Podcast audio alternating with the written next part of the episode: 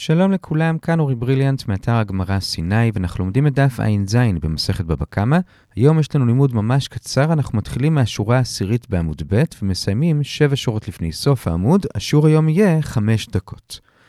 נזכיר שאתמול ראינו מחלוקת האם יש היקש בין טביחה למכירה. לפי ריש לקיש יש היקש, לפי רבי יוחנן אין. עכשיו, מה זה אומר? אז אתמול הנפקמינה הייתה שאם הגנב בהמה שהוקדשה לקורבן, אז כולם מסכימים שאם הוא ימכור אותה, הוא לא יהיה חייב ד' וה', כי אי אפשר למכור אותה, זה של הקדש, זה לא באמת יעבור לבעלות של הקונה. ממילא אומר ריש לקיש, כיוון שיש היקש בין טביחה למכירה, אז כמו שאם הגנב ימכור אותה, הוא לא יהיה חייב ד' וה', אז אותו דבר אם הוא יטבח אותה, הוא גם כן לא יהיה חייב ד' וה', זה היה ריש לקיש. רבי יוחנן לעומת זאת אומר שאין היקש כזה, ולמרות שעל המכירה הוא לא יהיה חייב, על הטביחה הוא כן יהיה חייב.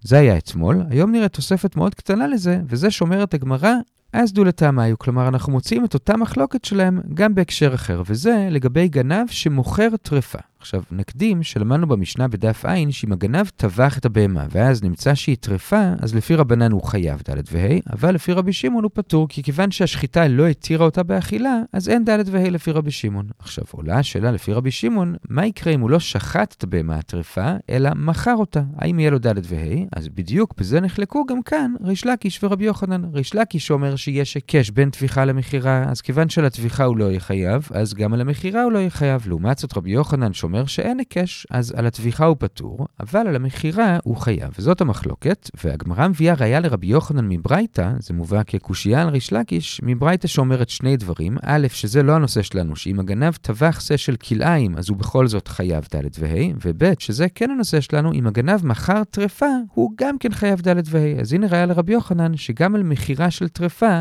יש ד' וה', כי אין היקש בין מכירה לבין טביחה. זו הראייה, ובסוף באמת נשאר איתה, וריש לקיש יישאר בקשיא, אבל לפני זה נראה איזה פינג פונג קצר ביניהם לגבי הברייתא. אז כאמור, במבט ראשון זה ראייה לרבי יוחנן, שהוא כן חייב על מכירה של טרפה, אבל יענה ריש לקיש, זה בכלל לא ראייה לשיטתך, כי הרי הראייה שלך בעצם מבוססת על ההנחה שהברייתא הזאת היא כרבי שמעון, שעל שחיטה של טרפה הוא פטור, ובכל זאת על מכירה של טרפה הוא חייב, ומכאן אתה רוצה להוכיח שאין היקש. אבל אומר ריש לקיש, מי אמר, אולי הברייתא הזאת היא לא כרבי שמעון, אלא כרבנן, שגם על שחיטה של טרפה הוא חייב, וממילא מובן שגם על מכירה הוא חייב, ובהחלט יכול להיות שיש היקש בין שחיטה למכירה, ובשניהם הוא חייב. זו התשובה של ריש לקיש, ועכשיו חזרה לרבי יוחנן, אומר רבי יוחנן, לשיטתך שאתה אומר שזה רבנן, והוא בעצם חייב בטרפה גם על שחיטה וגם על מכירה, אז למה ברייתא הזכירה רק מכירה? זה לכאורה מוכיח את שיטתי, שזה באמת דווקא מכירה ולא טרפה, כי זה דעת רבי שמעון שעל טרפה הוא פטור. זו הטענה של רבי יוחנן, אבל עונה ריש לקיש לא, הברייתא הזכירה מכירה, אבל באמת הוא הדין לטרפה. ועובדה שגם ברישא של הברייתא, שאמרנו שזה לא הנושא שלנו, אבל כתוב שם שעל טביחת כליים הוא חייב, והרי גם שם זה לא רק טביחה אלא מכירה. אז כמו שברישא הזכירה רק אחד מהדברים, טביחה, אבל באמת התכוונה לשניהם, אז גם בסייפה הזכירה רק אחד מהדברים, מכירה, אבל באמת התכוונה לשניהם גם לטביחה, כי זה דעת רבנן. זו התשובה של ריש לקיש, שהברייתא כרבנן, ושוב, כאמור, זה מראה שאין מכאן ראייה לזה שיכולה להיות חלוקה בין שחיטה לבין מכירה. זה ריש לקיש, אבל מחזיר לו רבי יוחנן, לשיטתך שאתה אומר שבעצם גם הרישא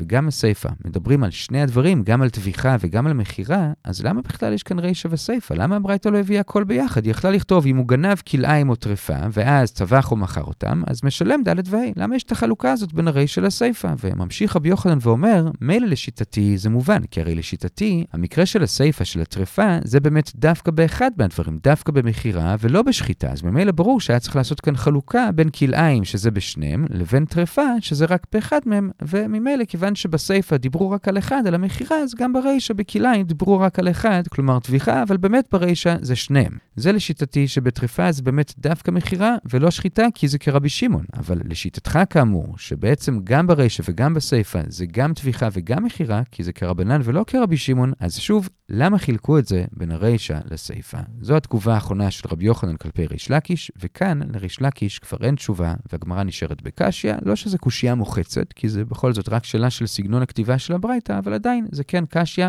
ובזה בעצם סיימנו את הסוגיה, הגענו לשורה השביעית לפני סוף עמוד ב', נעצור כאן, ונחזור ממש בקצרה על מה שראינו. המשכנו היום לעסוק במחלוקת שסיימנו בה אתמול, לגבי האם יש היקש בין טביחה למכירה, לפי ריש לקיש יש היקש, לפי רבי יוחנן אין, והנפקמינה שראינו היום, שלפי רבי שמעון, שאם הוא טבח טרפה הוא פטור מדלת וה', אז לפי ריש לקיש יש היקש, אז גם אם הוא מכר טרפה, גם אז הוא פטור. לעומת זאת רבי יוחנן אומר שאין היקש כזה, וגם לפי רבי שמעון, שעל שחיטת הטרפה הוא פטור, עדיין על מכירת הטרפה הוא יהיה חייב, והבאנו ברייתא לטובת רבי יוחנן שאומרת בפירוש שבאמת אם הוא מכר טרפה הוא חייב. ריש לקיש ניסה לדחות ולומר שהברייתא היא לא הוכחה כי יכול להיות שבכלל בדעת רבנן שבאמת הוא חייב גם על שחיטת טרפה וגם על מכירת טרפה, אבל ריש לקיש דחה את זה כי אם כן, למה ברייתא הזכירה רק מכירה? ואתה לא יכול לומר שהזכירה מכירה והתכוונה גם לטרפה, כי אם כן, אז למה ברייתא הביאה רישא בסיפא? הרי ברישא לגבי כלאיים היא הזכירה רק שחיטה, ובסיפא לגבי טרפה הזכירה רק מכירה. אם זה באמת בשניהם גם מכירה וגם שחיטה, הייתה צריכה להזכיר הכל ביחד. אלא מכאן, שבאמת בסיפא זה דווקא מכירה ולא שחיטה, ומכאן כאמור היה שגם לפי רבי שמעון, שבשחיטת טרפה הוא פטור, במכירת טרפה הוא בכל זאת חייב, כי אין היקש לפי רבי יוחנן בין מכירה לבין שחיטה, וריש לקיש באמת נשאר בקשיא, כל טוב.